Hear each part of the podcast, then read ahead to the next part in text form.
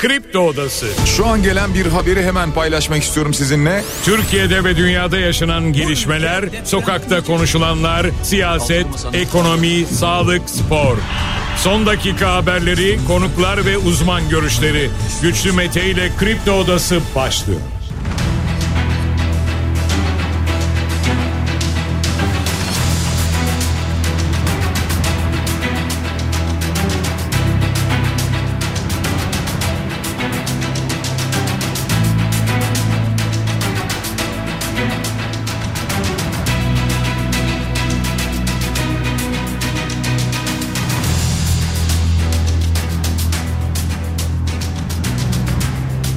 Şubat Cuma sabahından Kafa Radyo'dan Kripto Odası'ndan tüm Türkiye'ye yurt dışında bizi dinleyen dinleyicilerimize günaydın. Hepinize sağlıklı ve güzel bir gün dileyerek her sabah olduğu gibi programımıza başlıyoruz. Bugün de Kripto Odası'nda saat 10'a dek sizlerle birlikte olacağız. Gündemdeki başlıkları değerlendireceğiz.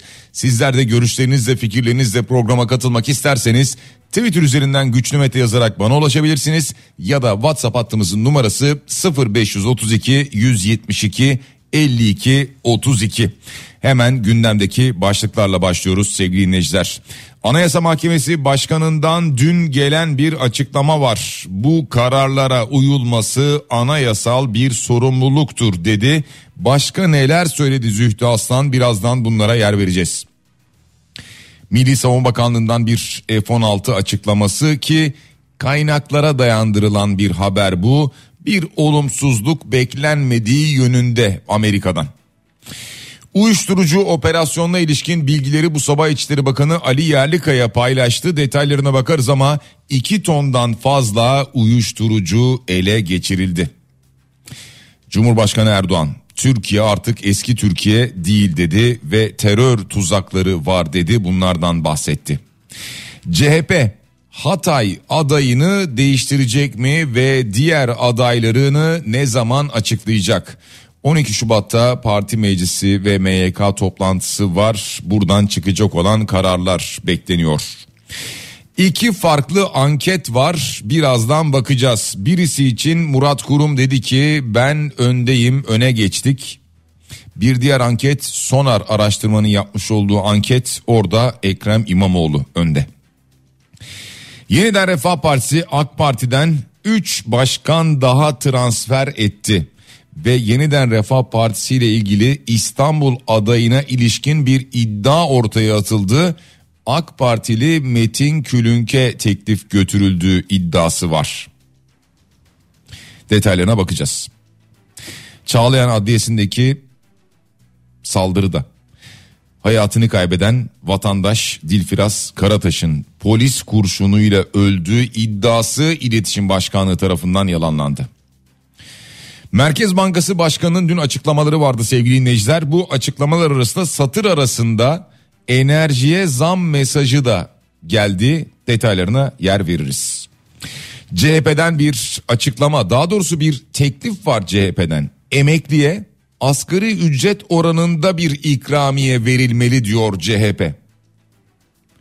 Alper Gezer Avcı bugün dünyaya dönüyor. Türkiye saatiyle 16.30 civarında dünyaya dönmesi bekleniyor.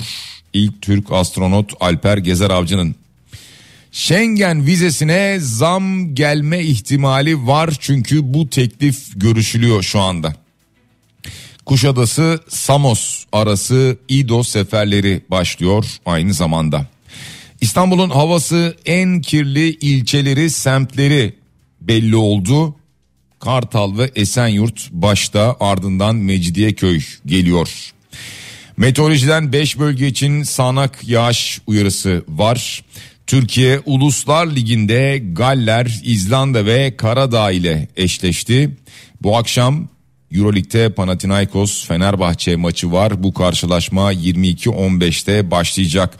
Ve futbolda yeni bir dönem test edilecek. Mavi kart dönemi yani sarı ve kırmızı kart dışında bir de mavi kart dönemi. Bu ne anlama geliyor? Bunların hepsine programın ilerleyen dakikalarında yer vereceğiz. Hemen bir de finans tablomuza bakalım. Dolar şu anda 30 lira 67 kuruş, euro 33 lira 7 kuruş, gram altın 2004 lira. Banka fiyatlarına bakalım bir de. Bankada dolar 31 lira 29 kuruş, euro 33 lira 70 kuruş, altının gramı bankada 2048 lira. Çeyrek altın 3400 liradan aşağı değildir. Borsa İstanbul'a baktığımızda dün de %1.21'lik bir artış vardı. BIST endeksinde 8949 puana geldi Borsa İstanbul. Bakalım haftayı 9000'i geçerek kapatacak mı BIST endeksi? Bitcoin'de %3,5'tan fazla bir artış var. 46 bin doların da üzerine çıktı Bitcoin. 46 bin 215 dolar şu dakikalarda. Evet kısaca başlıklar böyle sadece bu kadar değil paylaşacağımız birçok haber var. Mesela MIT eylem hazırlığındaki PKK'lı terörist Ahmet Al Hac Ömer'i Suriye'nin kuzeyinde yakaladı.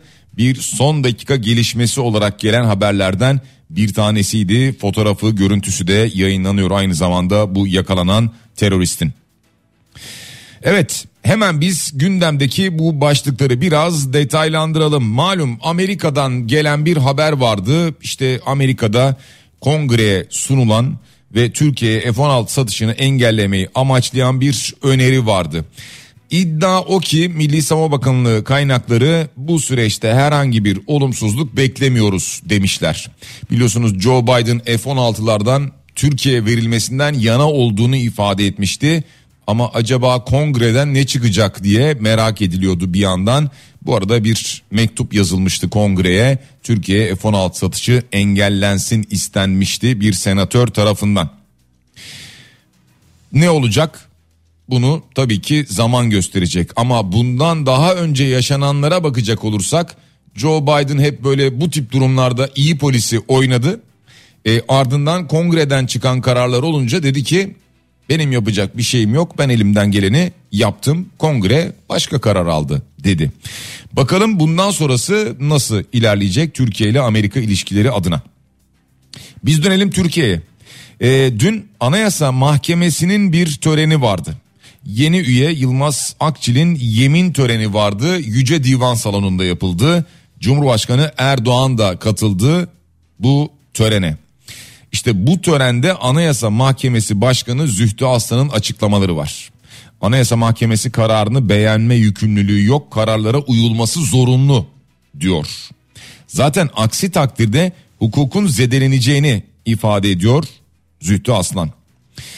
Diyor ki elbette Anayasa Mahkemesi'nin kararlarını ve anayasa hükümlerini beğenmeyebilir, bunlara katılmayabilirsiniz. Ancak bir hukuk devletinde katılsak da katılmasak da bu kararlara uyulması anayasal bir sorumluluktur dedi. Nitekim anayasamızın 153. maddesine göre Anayasa Mahkemesi kararları kesin olup yasama, yürütme ve yargı organları irade makamlarını gerçek ve tüzel kişileri bağlar dedi. Ya çok net değil mi? Çok kesin. Yani çünkü anayasa var ortada. Ya daha önce eleştirdiğimiz konu buydu kimle ilgili ne karar almış, o kararı mı vermiş, bu mu olmuş bunları yayında da konuştuk. Dedik ki beğenmeyebiliriz. Yani Anayasa Mahkemesi'nin kararını. Çıkan karara katılmıyor olabiliriz. Fikrimiz bu yönde değildir. İdeolojik bakış açımız farklıdır. Ama bunu uygulamamak diye bir şey söz konusu olabilir mi? Oldu Türkiye'de. İşte Can Atalay davasında biz bunu gördük.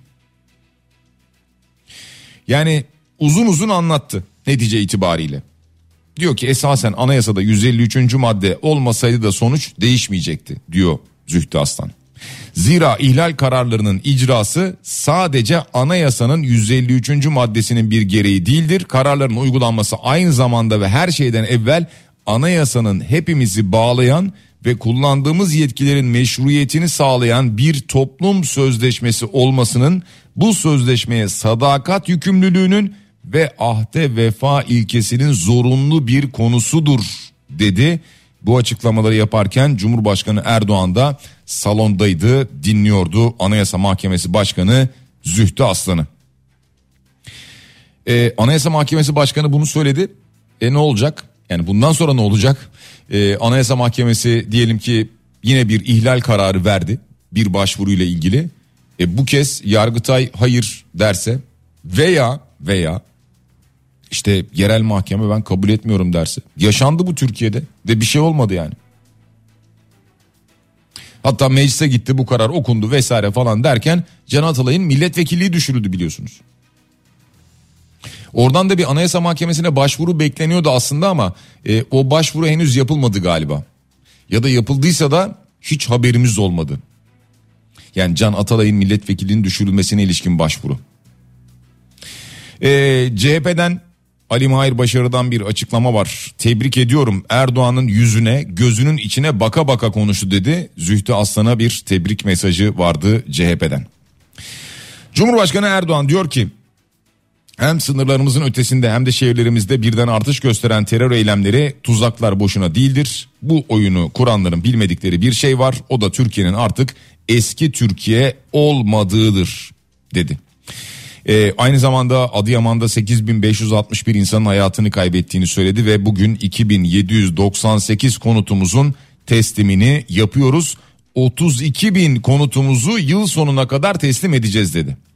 Yani şu ana kadar 2798 konutun teslim edildiğini e, bundan sonra 32 bin konutun da yıl sonuna kadar bitirileceğini ve teslim edileceğini söyledi bu açıklamasında. Bay Kemal'e hançeri ilk vuranlar oyları yüzde biri bulmayanlar oldu dedi. CHP ile ilgili eleştirilerine de bir yandan devam etti.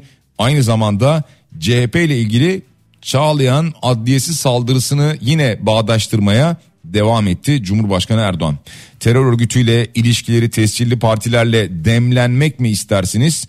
Çağlayan adliyemize saldıranların da aralarında olduğu teröristlere kol kanat germek mi dersiniz? Garip bir telaş ve her türlü pazarlıkta çırpınıp duruyorlar dedi. CHP ile ilgili eleştirisi böyle oldu Erdoğan'ın. Şimdi gelelim CHP tarafına.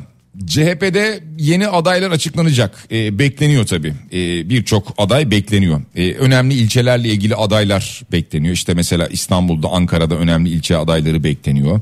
E, Malatya, Ordu, Kayseri, Şanlıurfa adayları bekleniyor. Ama asıl merak konusu acaba Hatay Belediye Başkan adayı ki şu anki belediye başkanı Lütfü Savaş devam edecek mi etmeyecek mi? Yani Lütfü Savaş kendisi çıktı bir basın toplantısı yaptı. Dedi ki ben devam edeceğim. Bunlar provokasyon dedi. Bunlar kirli oyunlar benim üzerimde dedi. Fakat bu arada tabii CHP'den gelen mesajlar var biliyorsunuz yani Ali Mahir Başarır daha önce söyledi Gökhan Günaydın'ın bir açıklaması vardı yine CHP'den Ali Haydar Fırat'tan dün bir açıklama geldi yani vatandaşın yapmış olduğu protestoya kayıtsız kalamayız mesajları geliyor. Ee, o nedenle parti meclisinde yani parti meclisi ve aynı zamanda MYK toplantısı Merkez Yönetim Kurulu toplantısı olacak CHP'nin 12 Şubat'ta olacağı söylenmişti. Pazartesi günü yani. Ee, pazartesi günü buradan çıkacak başka bir karar olur mu? Yani CHP adayını değiştirir mi? Hatay Büyükşehir Belediye Başkan adayını değiştirir mi acaba diye merak ediliyor. Asıl konu bu. Yani tabii ki diğer iller kendi şehirlerinde kimlerin aday olacağını CHP adına merak ediyordur ayrı konu. Ama asıl Türkiye'nin genelinin merak ettiği konu bu konu oldu. Ve bu açmazın içinde şu anda kaldı CHP. Çünkü CHP bu konudaki eleştiriler kendisine oy verenlerden yani muhalif seçmenden geliyor bu eleştiri zaten. Olur ya işte iktidar eleştirir, rakibi eleştirir falan da e, o zaman e, der ki ben hayır kendi yolumda ilerlerim. İstanbul adaylarına bakalım. Murat Kurum demokratik bir yarış olması hepimizin arzusu diyor. Bu arada e, şu da ortaya çıktı ki Murat Kurum'la Ekrem İmamoğlu e, denk gelmişler, görüşmüşler, e, bir araya gelmişler. E, bu açıklama Murat Kurum'dan gelmiş. Ekrem İmamoğlu ile dün görüştük. İyi niyet temennilerinde bulunduk. Demokratik sonunda İstanbul'un kazanacağı bir yarış olması hepimizin arzusu demiş. Yani buraya kadar gayet güzel. Yani e, çok fazla yani evet e, zaman zaman elbet e, rakibi yoracak açıklamalar geliyor olabilir ama böyle diyorduk ya çok da fazla bel altı açıklamalar e, böyle bir savaş görmeyelim diyorduk seçime giderken en azından İstanbul'da. Nitekim öyle bir e, mücadele değil zaten gördüğümüz kadarıyla. Netice Murat Kurum diyor ki bizim önümüzde bir araştırma var öne geçtik diyor. E, Haliç Kongre Merkezi'nde basın mensuplarına yaptı bu açıklamayı.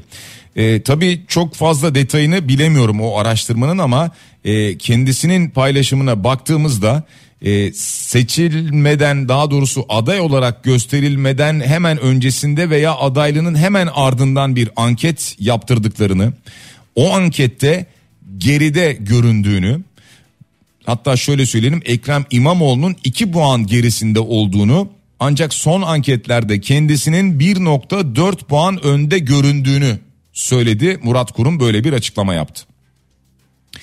Ee, tam da bu açıklamayı yaptığı gün e, Sonar araştırmanın bir İstanbul anketi yayınlandı.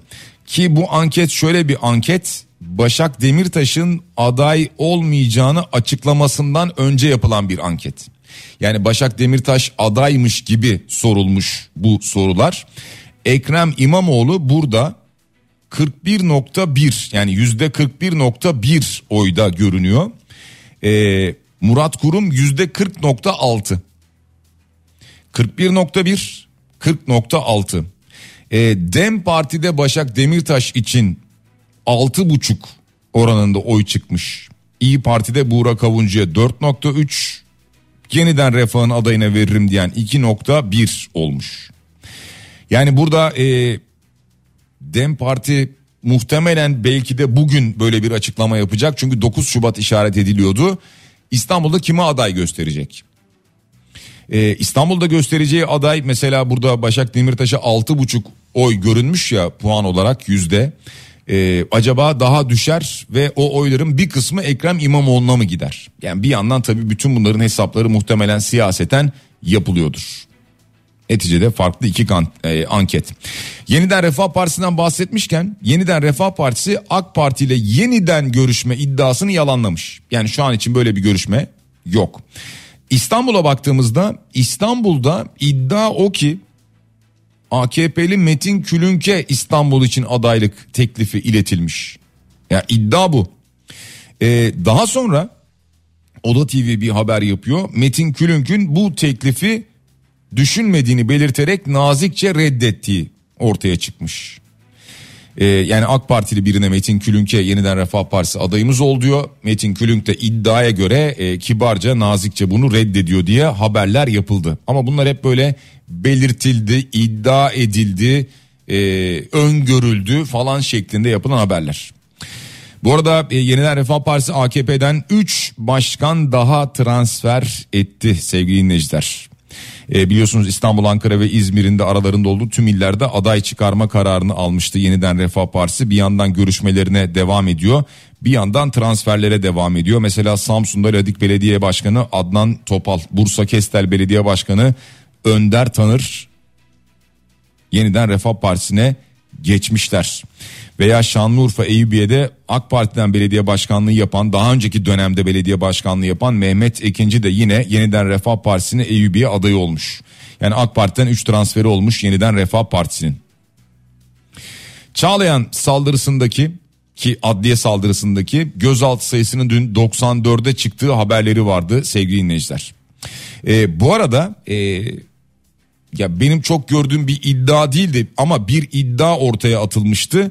O da orada hayatını kaybeden maalesef e, kurşunlara hedef olan e, vatandaş, sivil vatandaş Dilfiraz Karataş'ın polis kurşunuyla öldüğü iddiası.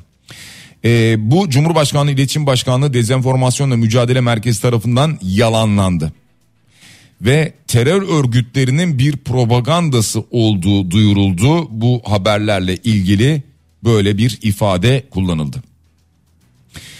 Gelelim Merkez Bankası Başkanı'nın açıklamalarına. Yeni Merkez Bankası Başkanı Fatih Karahan yılın ilk enflasyon raporunu açıkladı. Ee, daha önceden buna benzer bir mesaj vermişti. Parasal sıkılığı korumakta kararlı olduklarını söylemişti. Ee, yıllık enflasyonda Mayıs sonrasında dezenflasyon dönemine girileceğini söylüyor. Aynı zamanda 2024 yılı enflasyon tahminini %36 olarak koruyor Merkez Bankası. E, faiz indirimini konuşmak içinse erken olduğunu söylüyor. Tabi bu arada merak edilen bir diğer konu kredi kartı harcamalarına yönelik bir düzenleme. e, buna ilişkin böyle bir düzenleme yapılması gerektiğini de söylüyor. Ya bununla ilgili çalışmalar zaten anladığım kadarıyla e, Maliye Bakanlığı kanadında yapılıyor. Ama muhtemelen bu çalışmalar e, seçim sonrasına bırakılacak. Yani Nisan'a Mayıs'a bırakılacak. Kredi kartı harcamalarına düzenleme, belki taksit sayılarına kısıtlama vesaire gibi bir takım e, tedbirler alınacak. Bu arada e, Merkez Bankası Başkanı'na e, Bir Gün gazetesinin e, muhabiri Havva Gümüşkaya bir soru soruyor. Diyor ki seçim sonrasında doğal gaz ve elektrik fiyatlarında bir artışın enflasyona etkisi nasıl olacaktır diyor. E, buna karşılık bakıyoruz ki e, bu enflasyon tahmini yapılırken enerjide yapılacak olan bu düzenlemeyi göz önünde bulunduruyoruz mesajı veriliyor. Merkez Bankası Başkanı tarafından. Yani e, dolayısıyla şunu aslında bir anlamda anlayabiliyoruz. Doğalgaz ve elektriğe bir zam gelecek gibi görünüyor. Çünkü diyor ki tabii biz enflasyon tahminlerimizi yaparken birçok kalemde yaşanabilecek zamları bu yönetilen yönlendirilen ürünlerdeki zamlar için bir projeksiyonda bulunuyoruz. Burada tabii öne çıkan enerji fiyatları olacak. Elektrik ve doğalgazda bir düzenleme yapılması bekleniyor diyor. E, elektrik ve doğalgazdaki düzenleme dediği şey e, bize zam olarak mı yansıyacak? Oysa ki Enerji Bakanı demişti ki yo hayır bütün sene boyunca zam yapmayı planlamıyoruz. Böyle bir planımız yok demişti. Hatırlarsanız bunu ara ara konuşuyoruz. Bakan söyledi. Yıl boyunca zam planımız yok dedi. Şimdi doğalgaza ve elektriğe zam mesajı var burada. E, Merkez Bankası Başkanı'nın daha doğrusu böyle bir beklenti içinde olduğunu anlıyoruz ki e, o da önümüzdeki süreçte demek ki anladığımız kadarıyla e, seçimden sonra belli olacak. Öyle değil mi? Ya çünkü seçime kadar e, kimse böyle zam falan e, yapmaz. E, enerjiye falan zam gelmez. Veya kredi kartlarına bir düzenleme harcama kısıtlaması, e, limit kısıtlaması veya buna benzer bir şekilde bir taksit kısıtlaması. Bunlar olacaksa bu düzenlemeler seçimden önce olmaz değil mi? Bunları biliyoruz yani Türkiye'de olmaz. Emekli ikramiyesine zam önerisi var. Yani CHP uzunca bir süredir zaten emekli maaşlarına da daha da zam yapılması gerektiğini savunuyor, söylüyor. Ee, şimdi emekliye asgari ücret oranında bir ikramiye verelim diyor CHP. Yani böyle bir önerisi var CHP'nin. Ee, bu öneriye karşılık yani Ali Mahir Başarır e, söylüyor anladığım kadarıyla bu teklifi o getiriyor. Emekliye asgari ücret oranında bir ikramiye verelim diyor. Şimdi önümüzde e, biliyorsunuz Ramazan ayı var ve ardından da Ramazan bayramı var. E, bayramda gelecek olan ikramiye. Evet Ali Mahir Başarır söylüyor. Diyor ki 3 bin lira gibi bu çağın gerisinde kalmış miktarları tartışmayın. Sokağa çıkın insanlarla emekliyle görüşün diyor. 81 e, ilden 81 emekliyi buraya çağıralım dinleyelim ne diyorlarsa ne şartlarda geçiniyorlarsa karar versinler. Meclisin bir parça halkın isteklerine sorunlarına ses vermesini istiyorum dedi. Ee, AK Parti'den e, cevap geldi tabi e, Muhammed Emin Akbaşoğlu böyle bir açıklama yapmış emeklerimizin alım gücünü arttıracak onların mutluluğunu sevincini yükseltecek adımları atmaya devam edeceğiz demiş. Emeklerin alım gücü nasıl artacak acaba yani Hani 2024 emekli yılı ilan edildi ya. E, emekliler gerçekten emekli yılı olarak yaşıyorlar mı 2024'ü mesela? Evet e, sizlerden gelen mesajlar var. E, bir dinleyicimiz diyor ki Murat Kurum'la Ekrem İmamoğlu canlı yayında projelerini anlatıp tartış, tartışsınlar demiş. İstanbul'dan Tayfun Bey göndermiş bunu.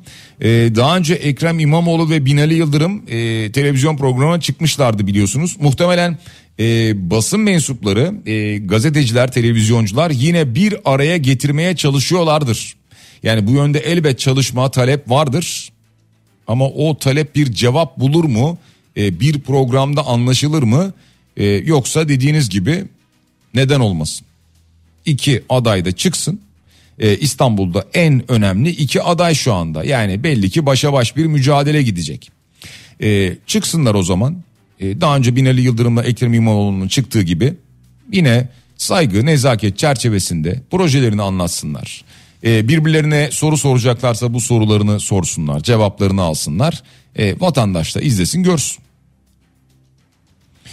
Bir başka dinleyicimiz diyor ki kombi aynı ayarda çalıştı 2 aydır. Geçen ay 1000 lira olan fatura bu ay 1900 lira geldi.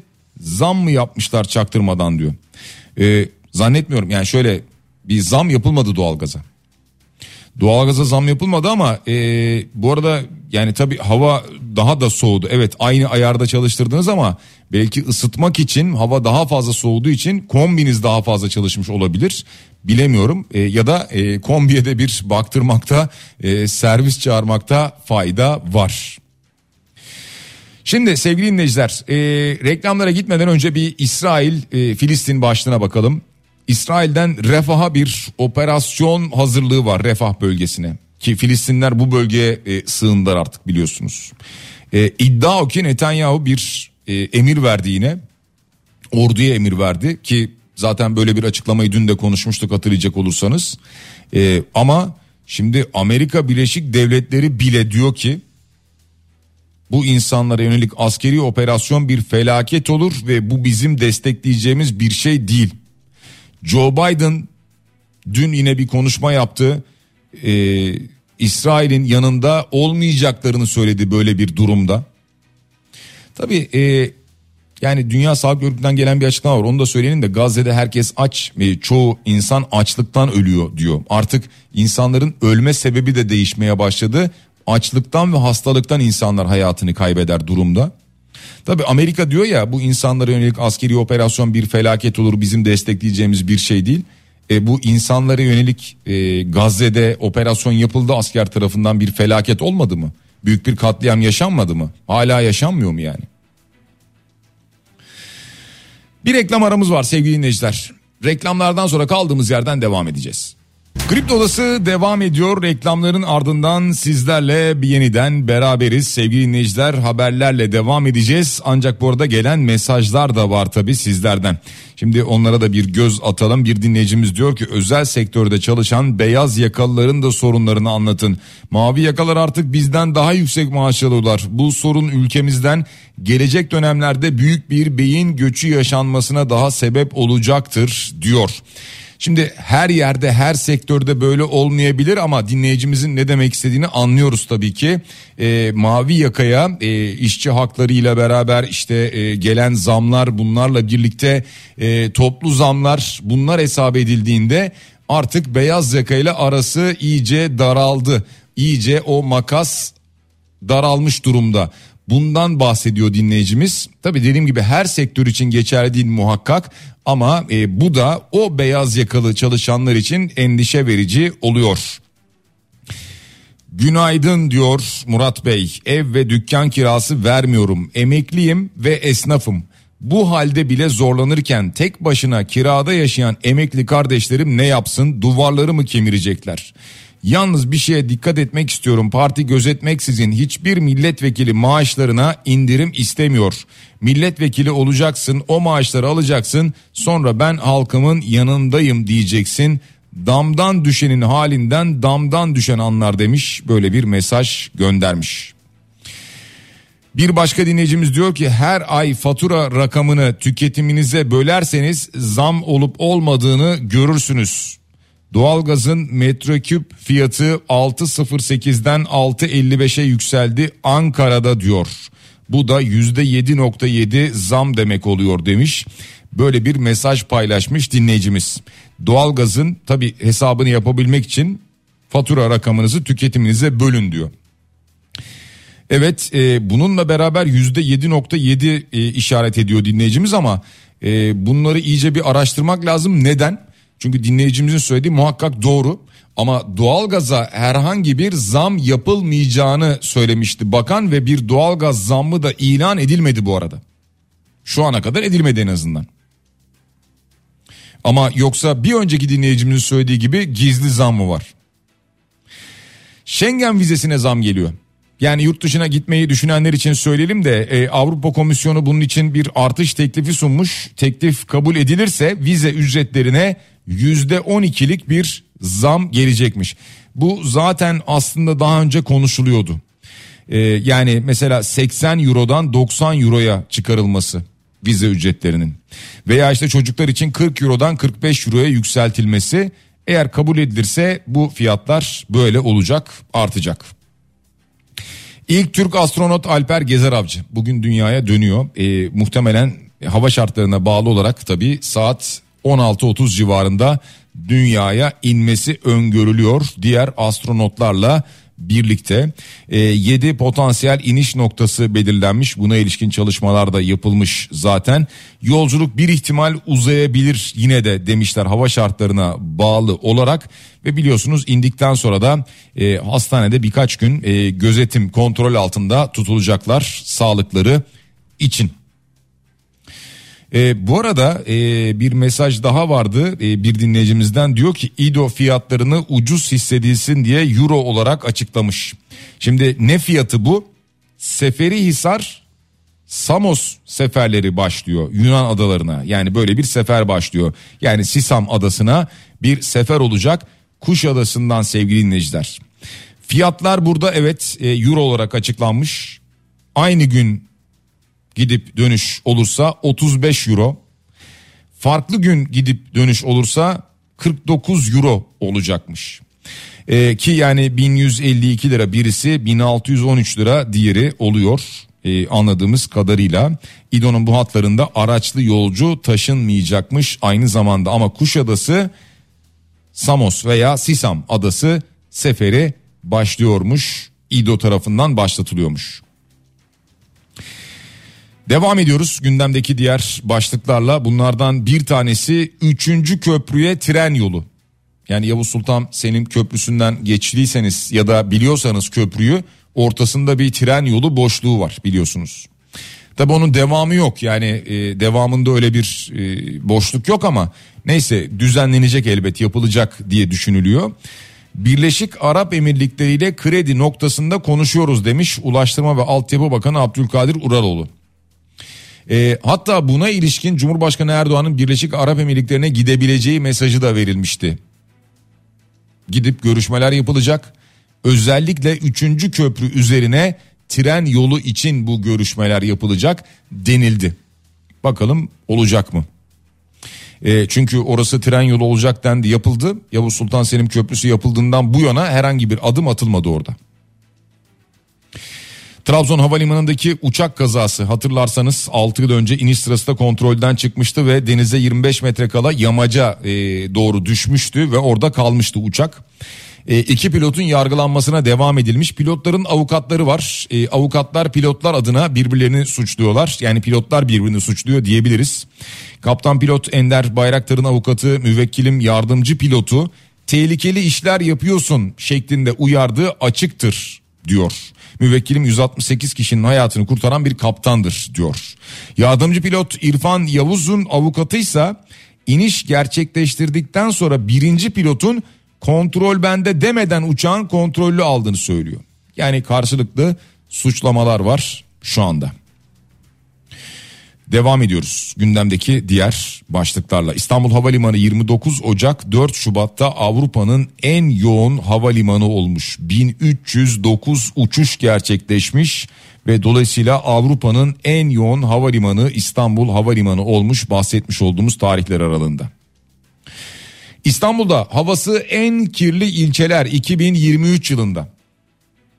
Şimdi bu İstanbul'da partikül madde hava kirliliğinin en fazla ölçüldüğü istasyon Kartal olmuş. İlk sırada Kartal gelmiş. Kartal'a çok yakın ikinci sırada Esenyurt'u görüyoruz. Üçüncü istasyona baktığımızda Mecidiyeköy var. Mecidiyeköy'den sonra Yeni Bosna geliyor sevgili dinleyiciler. Ama şöyle söyleyelim 2023 araştırması ya bu. 2022'ye göre yani bir önceki yıla göre 2023'te artışlara baktığımızda en yüksek artış yüzde 69'la Yeni Bosna'da olmuş. En yüksek hava kirliliği artışı bu. Daha sonra yüzde 19'la Üsküdar, yine yüzde 19'la Bağcılar, yine yüzde 19'la Başakşehir'de artışlar gözlemlenmiş hava kirliliğiyle ilgili. Ama yani dönüp de listeye bakacak olursak birinci sırada Kartal, ikinci Esenyurt, üçüncü sırada Mecidiyeköy ve dördüncü sırada Yeni Bosna istasyonlarını görüyoruz. İstanbul'da hava kirliliği ölçümü adına.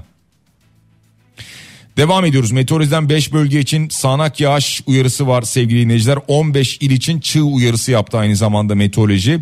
Muğla, Akdeniz, İç Anadolu'nun büyük bölümü, Güneydoğu Anadolu'nun kuzeyi, Doğu Anadolu'nun güneybatısı sağanak yağmurlu olacak diyor meteoroloji bu uyarımızı da yapalım. Ve sporla devam edelim. Euroleague'de dün Anadolu Efes Maccabi Tel Aviv'i 105-91 mağlup etti. Bu akşam Fenerbahçe deplasmanda Panathinaikos'la oynayacak. Bu karşılaşma 22-15'te başlıyor. Türkiye Kupası'na baktığımızda dün Trabzonspor Gençler Birliği'ni 2-1, Beşiktaş Antalya Sporu 2-1 mağlup etti. Adlarını çeyrek finale yazdırdılar. Zira Türkiye Kupası'nda pazartesi günü kura çekimi yapılacak. 12 Şubat pazartesi günü kura çekimi yapılacak. Dolayısıyla çeyrek final, yarı final e, belli olacak. Bu maçlar kimler arasında oynanacak. UEFA Uluslar B Ligi 4. gruptaki rakipler belli oldu. A milli futbol takımı kimlerle aynı grupta? Galler, İzlanda ve Karadağ ile aynı grupta A milli futbol takımı sevgili dinleyiciler. E, grup aşaması 5-10 Eylül'de oynanacak karşılaşmalarla başlayacak. Yarı final maçları 2025'in 4-5 Haziran tarihinde final ve üçüncülük maçları 8 Haziran'da gerçekleşecekmiş. 2025'ten bahsediyoruz bu arada aklınızda bulunsun. Dünyanın en iyi ligleri belli olmuş. Süper Lig 3. sıraya yükselmiş burada.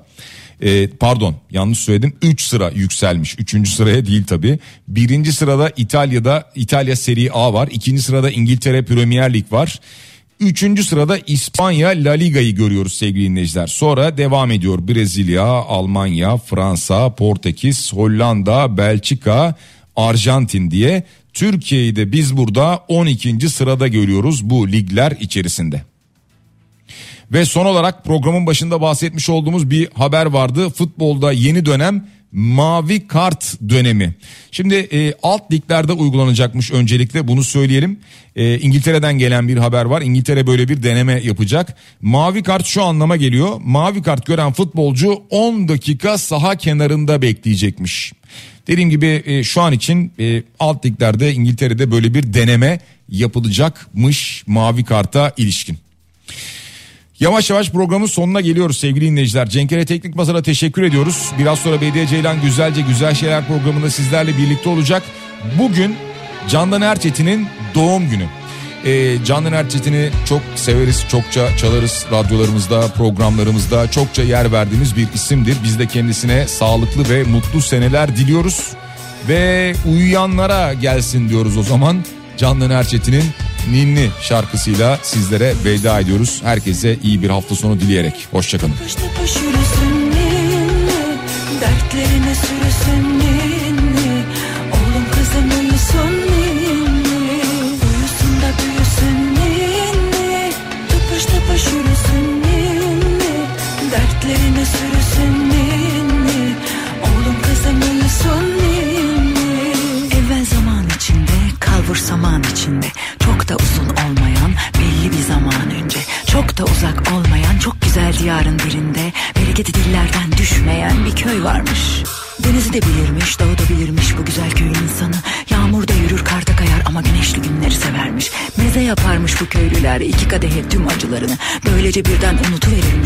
dargınlıklarını Aslına bakacak olursan çok zenginmiş tarlaları. Ama nedeni bilinmez bu köylüler her daim fakir.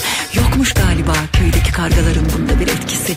Böyle gelmiş böyle gidermiş ne de olsa alın yazısı. Dayanamamış biri sonunda kargalara baş kaldırmış. Hakkımızı yiyorlar deyip bütün köyü ayaklandırmış. Sonunda başa çıkmış köyü istila eden kargalarla. Ama kendisi de göçüp gitmiş. Tabii eninde sonunda. Uyusun da büyüsün ninni. Tıpış tıpış yürüsün